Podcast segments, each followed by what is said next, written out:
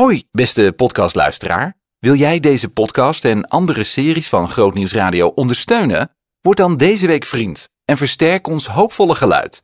Ga naar grootnieuwsradio.nl slash vriend. Het werk van de geest wordt op veel manieren zichtbaar.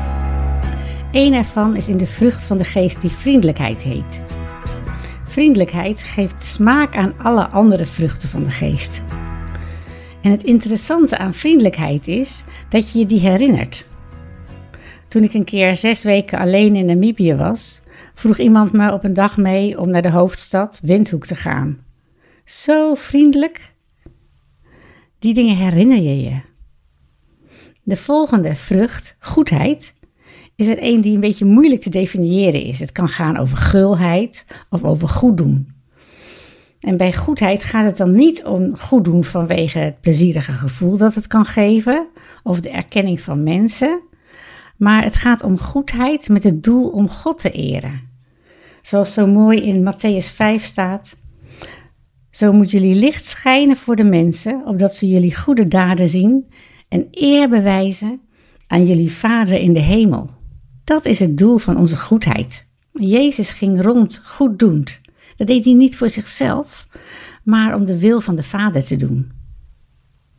De zevende vrucht is die van geloof.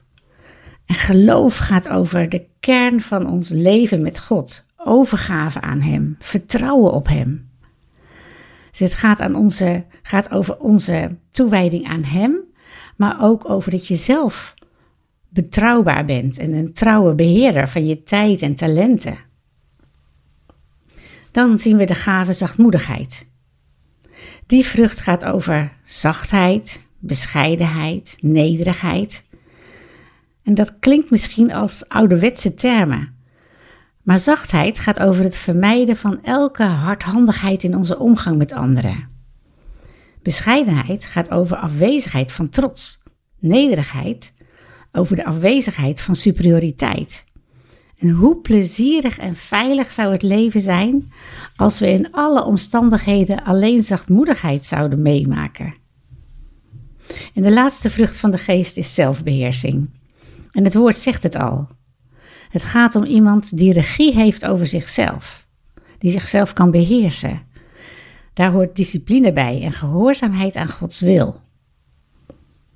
En is het niet boeiend dat de lijst van de vrucht van de geest begint met liefde en eindigt met zelfbeheersing? Die twee vullen elkaar aan. Hoe kunnen we onszelf in liefde geven als we geen zelfbeheersing hebben? Een schrijver zei: De vrucht van de geest geeft een heldere visie op heiligheid. En het eerste doel van God is niet om ons gelukkig te maken, maar om ons heilig te maken. Laat dat ons doel zijn. En uh, we hoeven niet verbaasd te zijn dat heiligheid het gevolg is van het werk van de geest. Hij is tenslotte de Heilige Geest.